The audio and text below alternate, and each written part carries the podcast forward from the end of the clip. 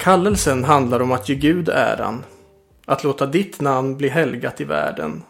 Att upplåta sitt liv och alla sina tillgångar och gåvor till att på det sätt du bestämmer väcka förundran och synliggöra och upphöja allt heligt så att tillbedjans ande väcks i människorna så att ordningen återställs och sanningen strålar.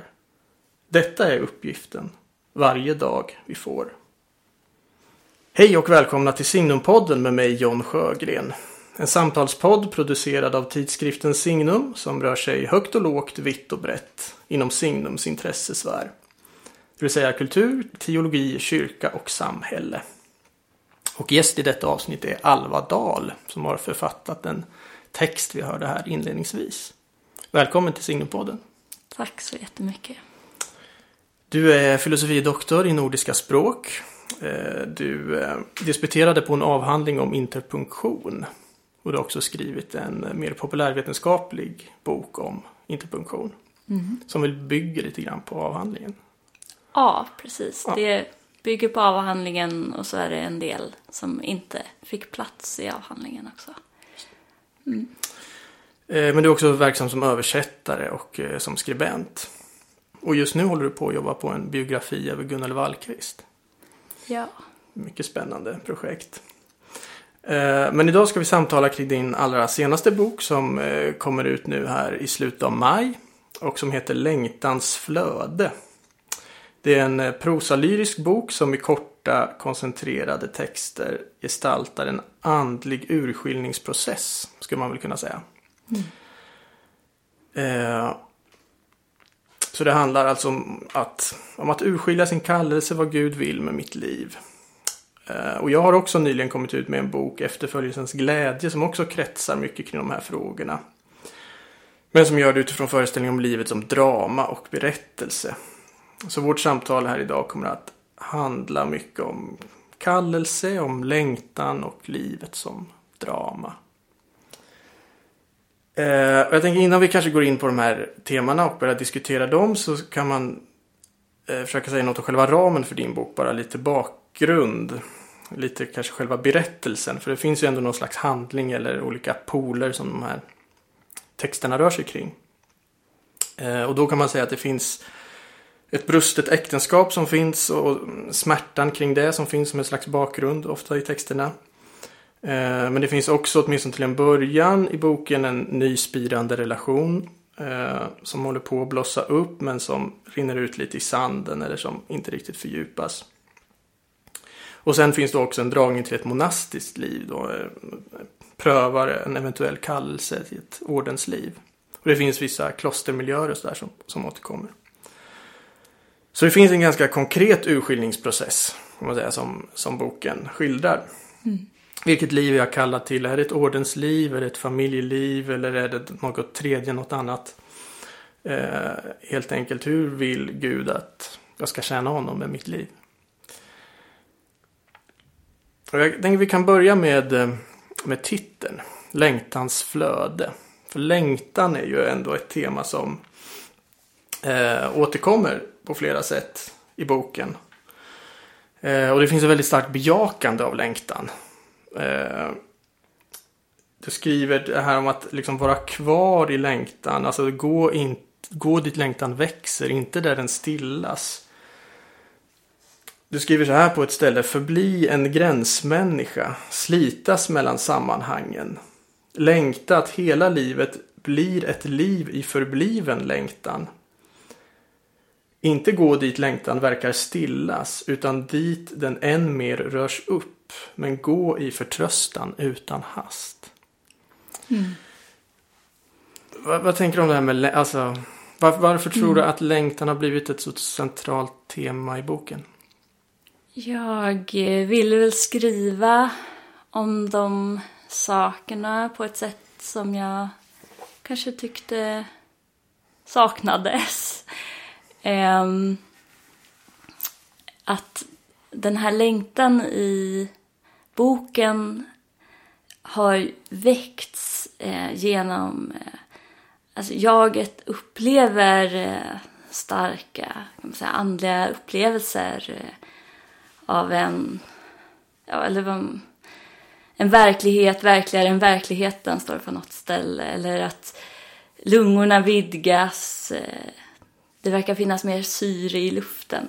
Sådana saker vissa stunder och det, det kan man säga sätter igång den här processen av eh, förvirring och ovisshet. Vad ska jag göra med mitt liv? Eh, för att de här eh, starka upplevelserna eh, får henne att kanske ja, längta efter att bli kvar i, och, och återvända till dem. Eller att kanske tänka om det gick att leva hela livet i, i den här um, upphöjda tillståndet kanske. Mm. Och eh, samtidigt så märker hon väl att eh, alltså det hon gör för att kanske få svar på de här frågorna är ju att röra sig åt olika håll eh, som verkar intressanta och pröva vad som sker med henne där kan man säga. Och då märker hon väl också att eh, alltså där man tror att längtan ska stillas, man kanske ska uppfyllas av det här tillståndet och kanske vila i det på något sätt. Det, där blir det inte så ändå utan eh, det går liksom inte att fånga de här tillstånden eller hålla fast det. Och eh, därför måste på något vis det närmaste man kommer vara att, att stå ut med längtan, eh, att stå ut med att det här livet är inte fullkomligt. Mm. Eh, men, le, men samtidigt leva i den ja, längtan och saknaden. Och, eh, så att både nöja sig och inte nöja sig. Mm. Nej, precis. Det där är en grundläggande insikt kan man ju säga om livet. Att ing... För längtans föremål är ju ytterst Gud. Mm. Och, och eh, det finns en längtan i oss som inget i den här världen kan uppfylla eller stilla. Mm. Eh, och det, ja, man tänker ju direkt på Augustinus klassiska Gud, du har skapat oss till dig och vårt hjärta är oroligt tills det finner vila i dig. Mm. Eh, och jag tycker det är väldigt mycket det du gestaltar. Det finns verkligen den här längtans teologi eller vad man ska säga. Den väldigt augustinska. Eh, mm att utgå från längtan, att bejaka den och se men vad är det jag egentligen längtar efter. Mm. Och det som eh, då kan man ju säga att i kyrkan finns det ett språk för vad det är man längtar efter och och man kan känna igen de här, man kan säga ja ah, det är Gud jag längtar efter. Oj, Augustinus kände också den här längtan, sådana saker. Och det är ju eh, värdefullt. Och samtidigt så eh, finns det nästan en risk att, eh, att man börjar eh, gudomliggöra, kanske, eller avguda eh, kyrkan. Mm. Eller kanske tror att det betyder att i i kyrkan kan jag uppnå det här eller i ett kyrkligt liv. Eh, men eh, så att kyrkan blir nästan ens avgud. Mm. Eh, men att eh, den Gud som vi, som vi ytterst längtar efter, precis kan vi ju inte alls eh, på något vis uppnå samtidigt som, som, eh, som Gud hela tiden är oss nära och mm aldrig överger oss vad vi än gör. Ehm, eller var vi än är. Och eh, det är väl också en spänning som finns där för att den här...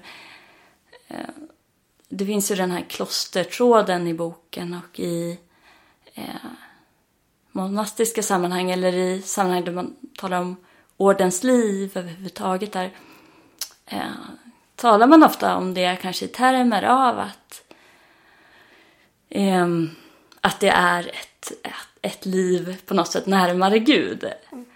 Eh, och det är kanske lite slarvigt att säga så, eh, även om säkert många som lever på det sättet upplever det så. Mm. Men uh, och så då kan man säga att i de sammanhang så finns det ett språk för den här längtan att leva nära Gud. Mm.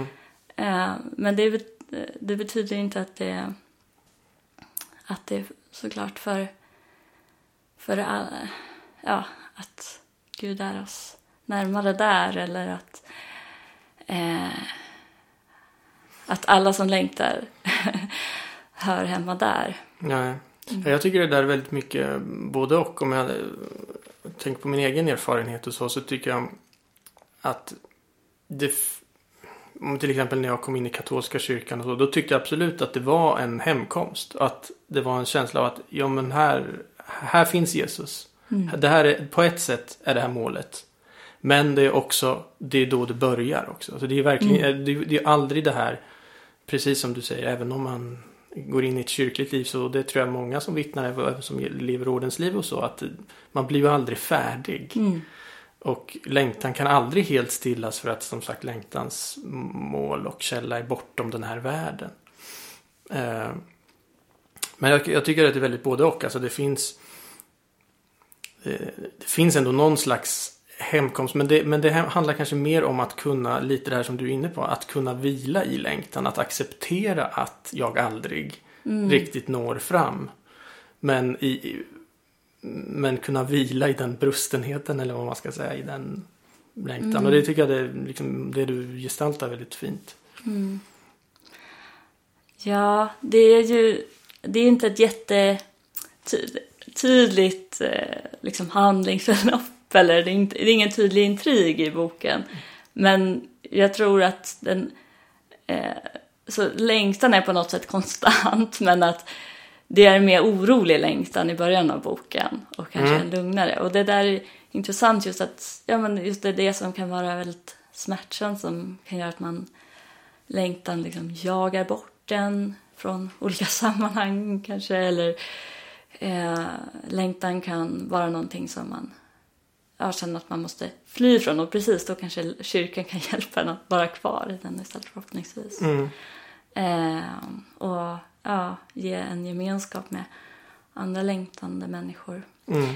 Men jag, eh, jag har väl också tänkt lite grann att det, eller jag tänkte på det inför det här samtalet att det finns en sorts genre av kristna berättelser eller vittnesbörd som, eh, eller ja, från, från väldigt långt tillbaka av eh,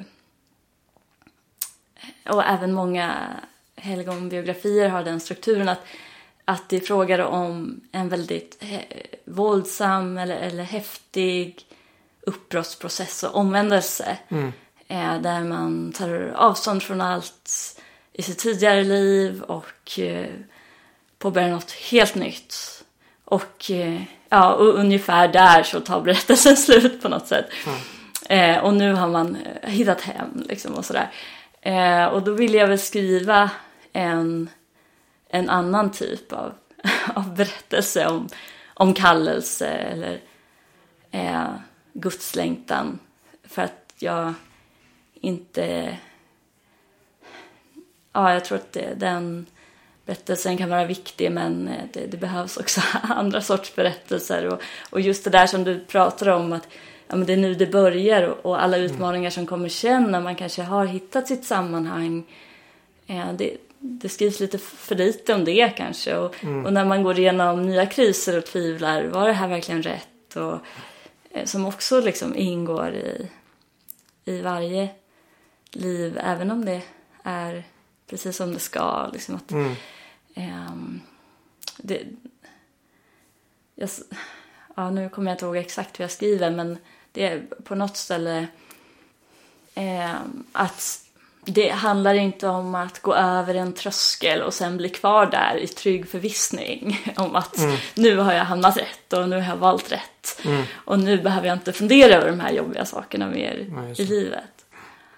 Uh, vilket såklart skulle vara på, på vissa sätt väldigt skönt om, om det var så. Mm. Nej, men jag tror precis att det är väldigt mycket både och. Alltså att eh, för det finns, det finns en, en, risk om man hamnar för mycket i det. Så att, att, att det finns en slags romantiserande kring sökande. Att, Absolut. att, att jag ska förbli sökande hela mitt liv. Men, men att du söker är ju, en ty, är ju en indikation på att det finns ju någonting verkligt du söker. Alltså längtan har ju ett mål. Annars skulle du inte längta. Eh, så alla, alla liksom känslor vi har det svarar ju mot någon slags verklighet. Om man då tar till liksom rent biologiskt att man är hungrig. Det svarar ju mot verkligheten. Mat. Eh, att vi längtar efter Gud svarar ju mot att Gud är en verklighet. Och alla längt, all längtan vi har korresponderar ju med det där målet som är något verkligt. Som, så att vi kan faktiskt nå dit. Och vi, det finns ett mål. Mm, men som sagt det ligger ju förmodligen liksom bortom den här världen. Eh, och att ett mänskligt liv är hela tiden att liksom växa mot det där målet. Vi når det kanske aldrig i det här livet. Utan livet är en ständig process, ett växande mot fulländningen. Som vi kanske inte når förrän på andra sidan. Men eh, Precis, men det, risken är ju då att man eh, Ja, som sagt romantiserar sökandet och man tänker det finns egentligen inget mål. Utan det, det, det sökandet är sitt eget, mm, har sitt eget värde kan ju ligga någonting i det, men jag tänker det blir eh, Sökandet bl- blir i längden meningslöst om det inte svarar mot ett mål som ändå finns. Mm. Eh, om man då tar, eh, min bok som jag nyligen kommit ut med den här Efterföljelsens glädje. Den, den handlar ju då om livet som berättelse och drama. hi- Hitta sin plats, sin kallelse i det här dramat. Eh, och, och jag tänker att det som jag liksom lite essayistiskt, teoretiskt på någon slags metanivå utforskar då. Eh, det tycker jag att du gestaltar fast liksom inifrån. Eh, och jag börjar min bok där i frågan om formen. Alltså vad är, är livet kaos eller ordning? Finns det en struktur i tillvaron? Eller är allt tillsammans bara en osammanhängande gegg? Alltså finns det någon dramaturgi? Finns det någon slags narrativ inbyggt i tillvaron? Och jag landar där i det första kapitlet som jag ofta gör i, i en paradox. Alltså att livet är både kaos och ordning. Eller kaos i ordning eller ordning i kaos. Så jag menar att det finns liksom en större struktur och det finns ett mål och så också. Men, och, men när vi befinner oss i livets ofta kaotiska drama så, så kan det vara svårt att se den här övergripande strukturen. För att, för att få syn på liksom det, den stora ordningen så kräver det ju någon slags metanivå. Att man höjer sig över, över sitt eget liv på något sätt. Eh, och man berättar ju alltid liksom baklänges. Man, Det är först när man har distans som man kan se de här liksom strukturerna. Men jag tycker det du gestaltar det är just det här att befinna sig mitt i dramat. Att liksom inte ha den här överblicken riktigt. För du, det var du ju inne på lite också att du, det finns ju inte de här liksom egentligen dramatiska bågarna eller något narrativ utan du skriver, det är fragment liksom, fragmentariskt. Men vad tänker du om det här, så här generellt det här liksom metaforen av livet som ett drama eller som en berättelse, liksom funkar den för dig? Eller är, är, upplever du mer så här som din bok gestaltar som fragmentariskt? Mm. Ehm, det, jag tycker det var väl, en det är en väldigt fin formulering det här med kaos i ordning och ordning i kaos i din bok. Um, jag, när jag upplever det nog mera ehm, Ja, jag vet inte. Det beror säkert på vilken dag man frågar. Och, men i, i boken så har jag verkligen försökt medvetet att skriva inifrån en, eh, och vara på något sätt trogen en upplevelsen i situationen eh, och inte betrakta situationerna utifrån och som skapar den här ramen. Jag tänker också när vi återblickar på våra liv och gör en berättelse av dem så är det ju liksom mycket som vi filtrerar bort för att eh, göra ja, återskapa den här eh, på något vis mall. Få, få livet passa in i en sorts berättelsemall. Eh, så för mig kan eh, ordet berättelse ibland ha lite negativa as- associationer.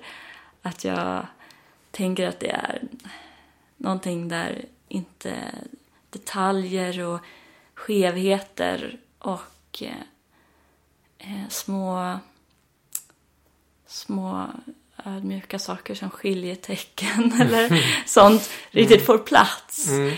Ehm, och att jag tycker det, det jag, jag känner mig väl att det är liksom lite grann min eh, grej att titta på sånt som lite sticker ut och, Mm. f- från den stora bilden och ja, zooma in. Eller det, det är liksom det jag dras till. Å andra sidan så finns såklart alltid den där berättelsen någonstans. Och det kan ju hända att jag tar den lite för given. Ehm, det jag tyckte var... Jag tänkte på det när du läste det här inledande citatet. Att jag skriver faktiskt där att... eh, så att ordningen återställs. Då tänkte jag att du läste någonting som du hade kunnat skriva. För att du betonar ju mycket ordningen i din bok. Mm. Och jag kanske betonar mer kaoset. Ehm, ja. Nej, precis. Det, det är ju lite vart man lägger tyngdpunkten. Mm. eh, Helt enkelt. Jag, eh, som sagt, jag landar ju alltid i paradoxer. Jag tycker att Mm. som sagt, det är kaos och ordning. Eh, Men eh, så då, i min bok absolut ligger ju mer, liksom, jag vill framhäva mer Mm. ordningen då. Eh, Precis, men för mig ligger också precis det här som du säger, du, du fokuserar in på det som kanske hamnar lite utanför berättelsen. Men på ett sätt för, för, för mig i den själva metaforen så li, ligger, finns det också för att, att säga att livet en berättelse. För mig är inte det att det, att det betyder att allt har en så jätteordnad struktur och Mm. utan vad, vad är en bra berättelse? Det är, en bra berättelse är ju alltid det finns liksom stora intriger, liksom mörker, det är process, utveckling. Eh, allt detta, passion, liksom. Det är ju det som är en bra berättelse. Eh, Och det som jag, ja, det som jag tycker att jag... En, en sak som jag tycker att jag gestaltar som jag skriver det är ju det här att livet är meningsfullt och eh, att det går liksom att hitta eh, mening. För det som jaget gör i, i min berättelse, om det, eller vad det nu är, är liksom att tyda på något vis tecken i Mm. vardagen. Ehm, och liksom behandla eh, allting som sker under en dag som någonting som kan liksom upplysa en på något sätt. och som säger någonting, Ja, precis. som säger att, någonting. att skapelsen är ett meddelande på något sätt. Mm. Och, och tecken, om man, då man ska prata om språk, alltså. Eh, precis som förmedlar någonting. Mm. Ja, precis. Och det tycker jag också verkligen. Det skriver ju väldigt fint. Många av de finaste partierna i boken är det kan vara liksom ett, litet, ett löv eller någonting som, Mm. som, som och stanna upp inför det och, och, och se verkligen liksom något av Guds mysterium i det. Mm. Eh, och det ligger också mycket i det, liksom, ja precis det som jag skriver mycket att här, livet är meningen är inte så mycket någonting vi uppfinner, det är någonting vi upptäcker. Mm. Att, och att ha den här öppenheten för det, det kräver att man öppnar sig för någonting utanför sig självt. Och det Mm. tycker jag du gestaltar jättefint. Eh, ja, nej, men som sagt, eh, kallelse är ju ett stort tema också i boken. Och det gestaltar ju som sagt då eh, en slags urskiljningsprocess, ett försök att hitta sin kallelse. Eh, och jag inledde ju här då med det här citatet som handlar om att ge Gud, att kallelsen handlar om att ge Gud äran. Mm. Men det, och det är ju ett väldigt fint citat, men det finns också mm, flera som är mer liksom, ska säga, kärva Mm. eh, beskrivningar av kallelsen. Du skriver på ett ställe om splittringen som kallelse. Eh, och du skriver också på ett, något ställe att kan man vara kallad att leva olycklig? Eh, och det kan också vara en kallelse.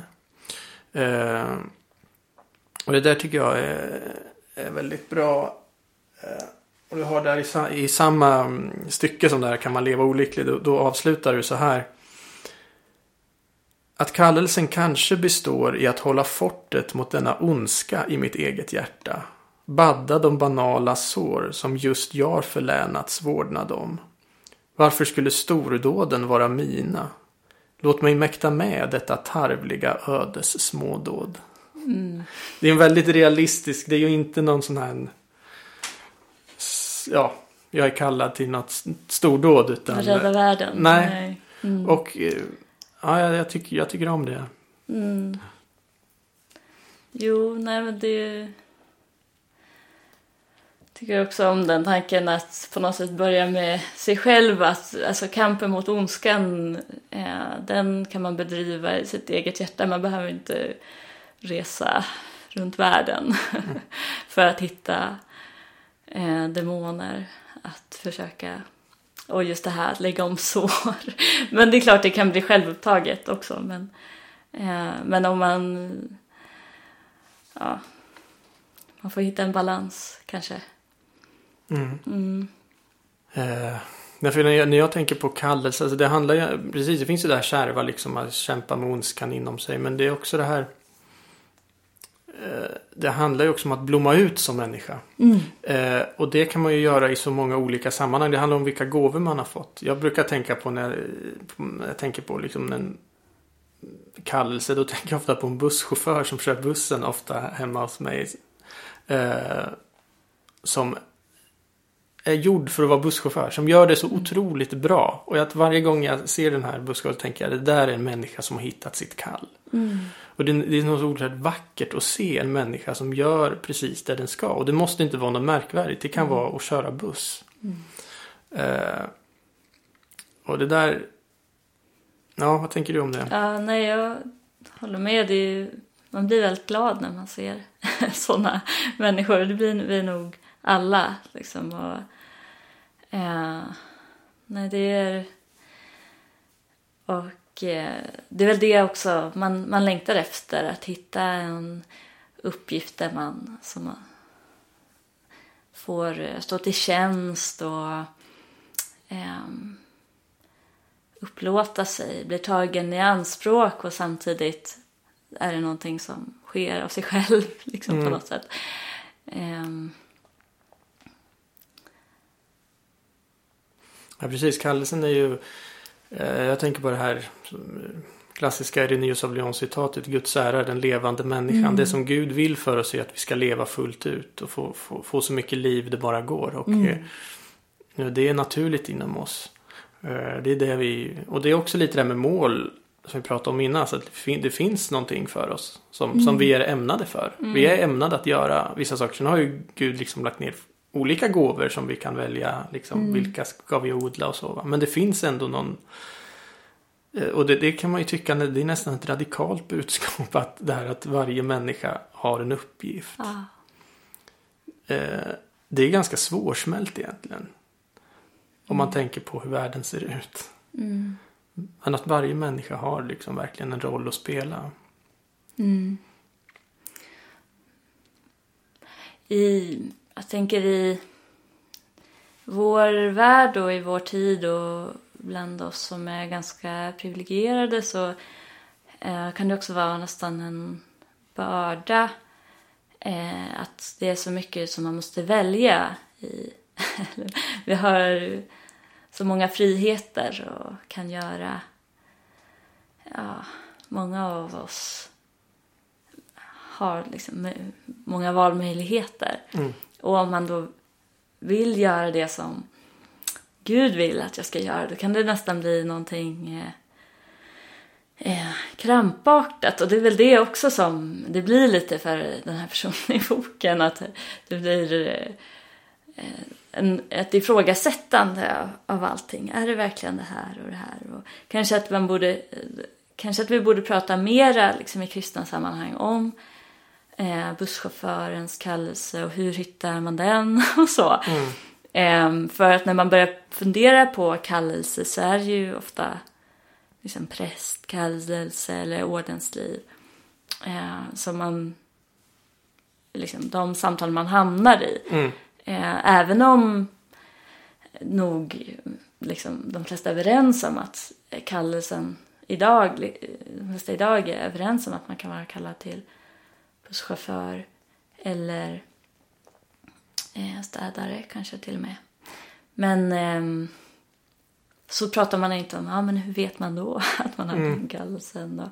Och så blir det någonting upphöjt med en kallelse. Mm. Um, ja, det är ett så stort nå Någonting ord. lite avlägset som mm. man ska hitta i fjärran. Um, kanske. Och det kan ju också vara det här med att stanna kvar i längtan kanske också kan handla om att se att stanna kvar och se vad jag har omkring mig. På ett sätt så är ju en människas kallelse ganska enkel. Alltså, Jesus säger att vi ska älska Gud över allt annat, vår nästa som vår själv. Vi ska älska varandra, vi ska älska våra fiender. Alltså vi ska älska och leva i kärlek. Mm. Eh, Det är det som är varje människas uppgift. Ehm, Men eh, var... Det kan gestalta sig på hur många sätt som helst. Ja, precis. Var...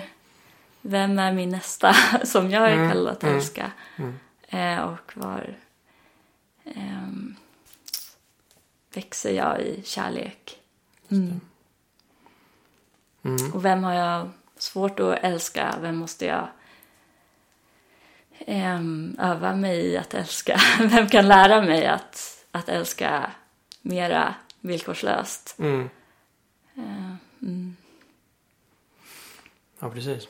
Ja, men, det, det, precis, det är ju, jag tänker att är den, i- liksom, under kärlekens rubrik på något sätt, man ska kanske förstå det här du skriver också om att vara kallad att vara olycklig också.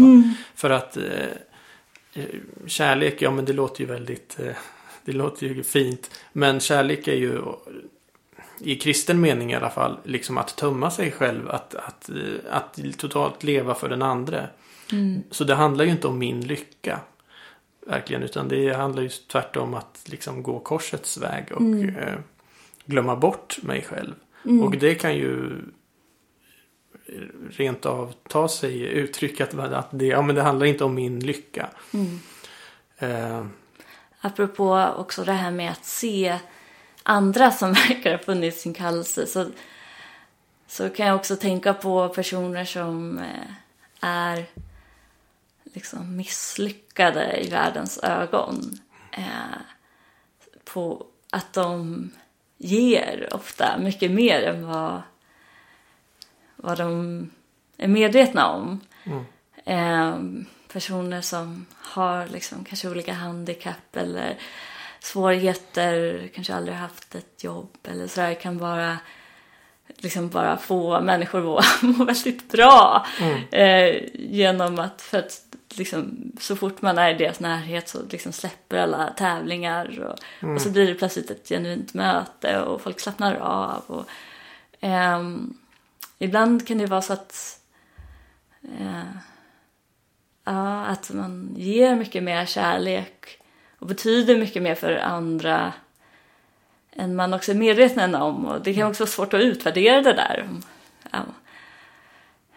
De där sakerna själv på något sätt. Och man kan lätt upphöja någon annans insats.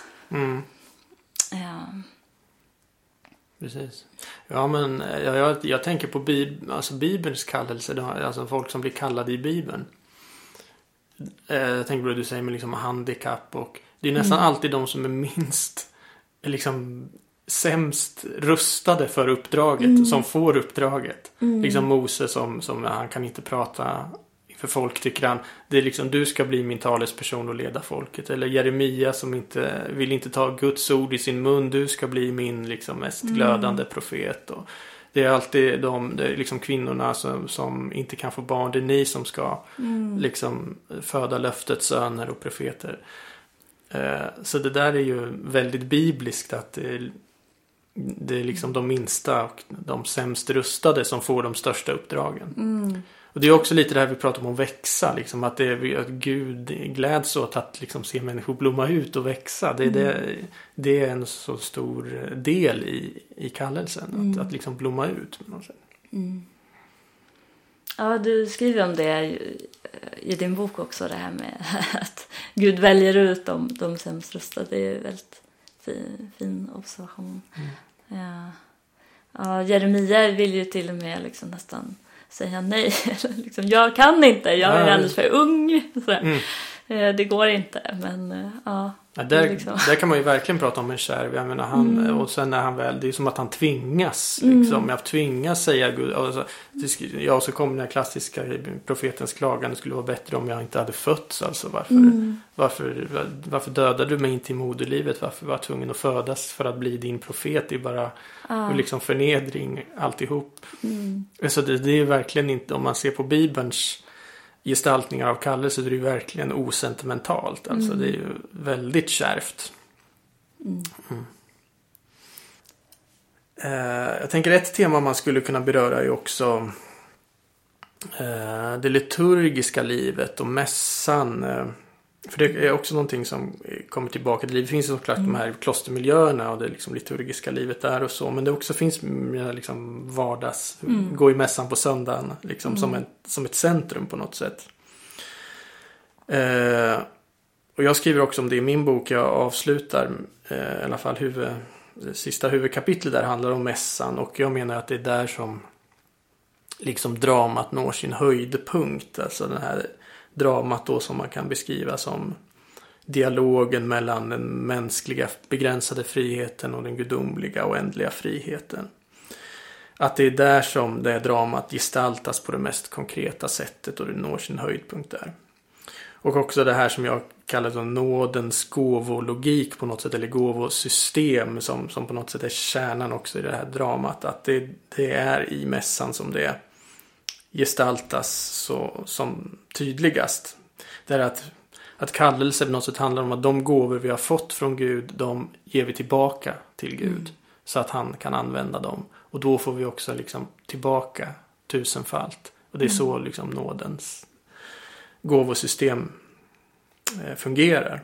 Och det är ju på något sätt det som gestaltas i mässan. Vi tar bröd och vin som eh, på sätt och vis symboliserar hela kosmos, allt, liksom allt, hela skapelsen som vi har fått som en gåva från Gud och vi ger det tillbaka till Gud. Och så kommer det tillbaka till oss som Guds eget liv, som Jesu kropp och, eh, och blod. Så att där i, liksom, mässan är där vi fylls med, med Guds eget liv. Och eh, sen blir vi ju sända ut i världen för att sprida det här livet i jag menar, mässan, mässa, ordet mässa är ju etymologiskt förknippat med just sändelse, att sända. Eh, och Henri de Lubac, eh, den eh, franska teologen, han har ju sagt att gå är mässans viktigaste ord. Alltså det här gå i frid. Att liksom nu ska ni gå ut i världen och eh, göra hela världen till eukaristi. Hela världen till ett slags tacksägelseoffer åt Gud. Så att jag, jag menar liksom den som vill hitta sin roll i dramat, sin kallelse, den, den gör oklokt i att hålla sig borta från mässan. För det är där vi, vi det är liksom livets källa och hela dramats höjdpunkt. Och det finns flera eh, gestaltningar i din bok också som jag tycker väldigt fint lyfter fram eh, mässan och eukaristin. Mm. Vad spelar den för roll för, för jaget i din, Mm.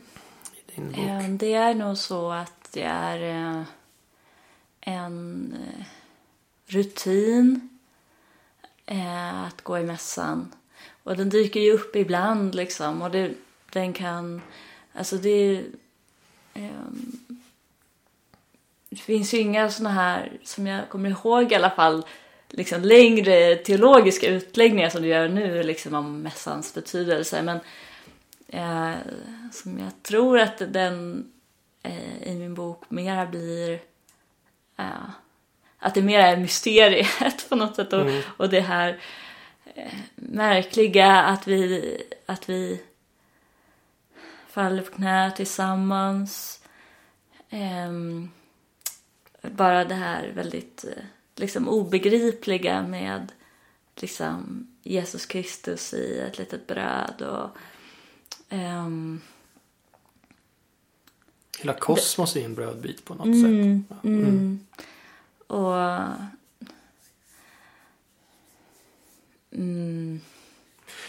Ja, vad, vad tycker, vad tycker Nej, men- du att den säger om mässan?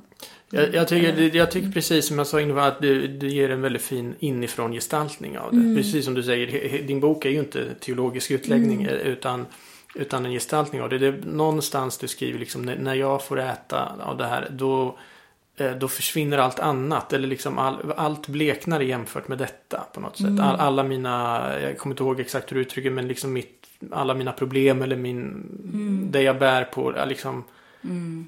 allt bl- bleknar ju i jämförelse med den här gåvan. Mm. Eh, Och det tycker jag är väldigt vacker gestaltning av det. Mm.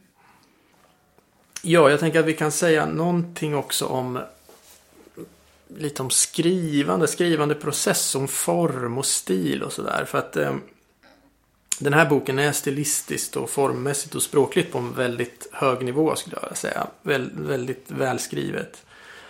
Eh, och jag tycker det är uppenbart när man läser att liksom, det formmässiga är väldigt viktigt för dig. Och jag tänker mm. också det känns naturligt med din bakgrund som språkvetare och liksom skrivit om interpunktion och sådär. Mm. Eh, så jag är bara nyfiken, hur ser din skrivprocess ut? Alltså hur jobbar du med formen? Mm. Um, ja, det beror ju på vad man skriver för slags text. Men när det gäller den här texten så är nästan, alltså verkligen stora merparten av den har jag skrivit för hand först. Mm. Men eh, under väldigt lång tid liksom. Eh, så att jag har liksom sorterat ut anteckningar med det här temat kan man säga. Eh, så att jag gör väldigt mycket anteckningar för hand som jag inte riktigt vet om jag ska använda eller hur jag ska använda. Som jag tänker kanske att jag ska använda det här i något projekt och sådär. Mm. Och ibland så är det mer någonting som jag vet att jo men det här är del av det här projektet. Och när jag hade kom... Jag var väl inte helt färdig när jag ändå när jag, när jag fick bestämde mig för hur, hur den här boken skulle bli. Så då finns det en del som är skrivet mera liksom det här ska komma till den här boken. Men, men så att det är eh, skrivet nogsamt och för hand. Och det, jag tycker när det gäller att formulera formulera sig precis om någonting som man tycker är svårt att formulera så tycker jag att det är lättare att göra det för hand. Det har väl Ja, det kan man ju fråga sig vad det beror på. Men det går ju lite långsammare att skriva för hand. Mm. Det är också det jag lärde mig först. Um, mm, men ja, det är ju väldigt viktigt um, med formen och uh, uh, det finns ju, jag skriver Eh, jag vet inte om du tänkte ja, nej, men, ja, men precis. Du har det här, eh, du tänker på det här formen är sitt eget vittnesbörd. Mm. Jag tycker det är väldigt bra skrivet. För mm, ja, men det är väl i sammanhanget tror jag, att du skriver att du vill inte predika. Mm. Men, men för att formen är sitt eget vittnesbörd. Mm. Uh, och jag tycker det där är väldigt Eh, alltså intressant. Jag, jag, för formen är väldigt viktig för mig också när jag skriver. Det är liksom, för mig är det den stora glädjen med att skriva. Det är liksom det formmässiga jobbet med texten. Att liksom mm. formulera en, en, en bra mening. Liksom. Mm. Det, är, det är glädjen för mig att skriva.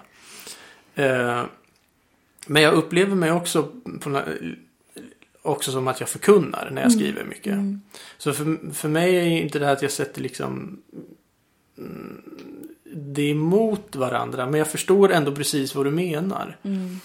Det, det, måste vara bra form. Alltså jag, min, en av mina käpphästar är ju så att liksom, du, form och innehåll kan inte särskiljas åt. Form mm. och innehåll är oupplösligt ett. Mm. Så du kan inte säga någonting sant eh, på ett slarvigt sätt. För då är det inte sant. Mm. Utan eh, liksom att det, det, det sköna och, och det sanna är samma sak i stort mm. sett. Ja, jag kan fundera på sådana här saker att i, man kan mm, predika dygder som ödmjukhet eller kärlek. Men vad innebär det att, att den här predikan har en ödmjuk form också eller en kärleksfull form? Mm. Eh, för om den inte har det så blir det ju precis, det blir inte trovärdigt. Mm. Eh, att på ett högmodigt sätt predika ödmjukhet, vilket jag tycker är något som är just det här exemplet säger jag för att jag tycker att det är så vanligt. Mm. Kanske inte i, ja jo det förekommer i och för sig även i, i kristna predikningar men även i liksom samhällsdebatten mm. och eh, det, det, är liksom mycket mm, det, det kanske också är det liksom att jag tycker att just, ja, som gör att jag vill fram formen. Att jag, det finns mycket predikan. Men sen är det klart att jag, det, det behövs predikan. Att jag uppskattar det också. Och det kan vara olika faser. Men nej, det, det är en eh, lite franciskansk tanke det där, tänker jag. Och innan jag skriver det där med formen alltså ett eget vittnesbörd så har jag på sidan innan tror jag citerat den helige Franciscus som skriver Bröderna bör predika genom sina gärningar. Mm.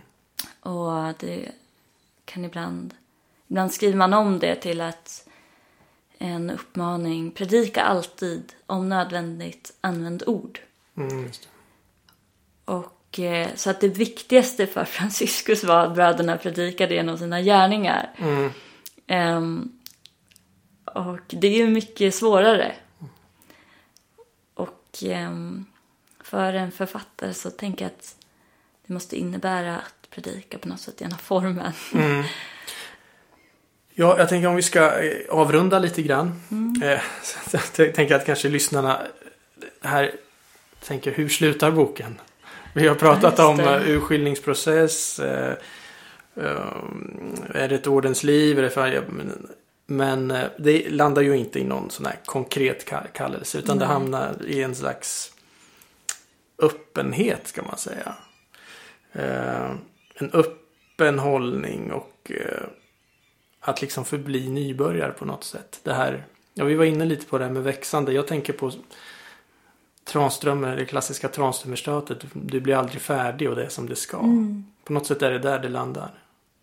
Och jag tänker också på det här att vara stadd någonstans i ständig förändring. Och det är också på något sätt det som det landar i. Jag tänker på den här John Henry Newman säger någonstans det, that to live is to change. And to be perfect is to have changed often. Ja, det är fint. Och Det, jag tycker det Mm. sammanfattar din bok lite, Ja, ganska bra. ja. Det kan ju vara så att det är olika för... Lite grann kan jag tänka att det är olika för olika människor. Liksom. Eh, Newman var väl också en person som gick igenom stora förändringar i sitt liv och Mm. kände sig eh, dragen till det. För, för honom var det nog sant och det kanske inte är det för alla men, men det är nog så också för, för det här, den här personen som Mm. jag skriver om. Mm. Ja, din bok kommer som sagt komma ut här i slutet av maj. Eh, om man vill få tag på den då, hur går man bäst tillväga?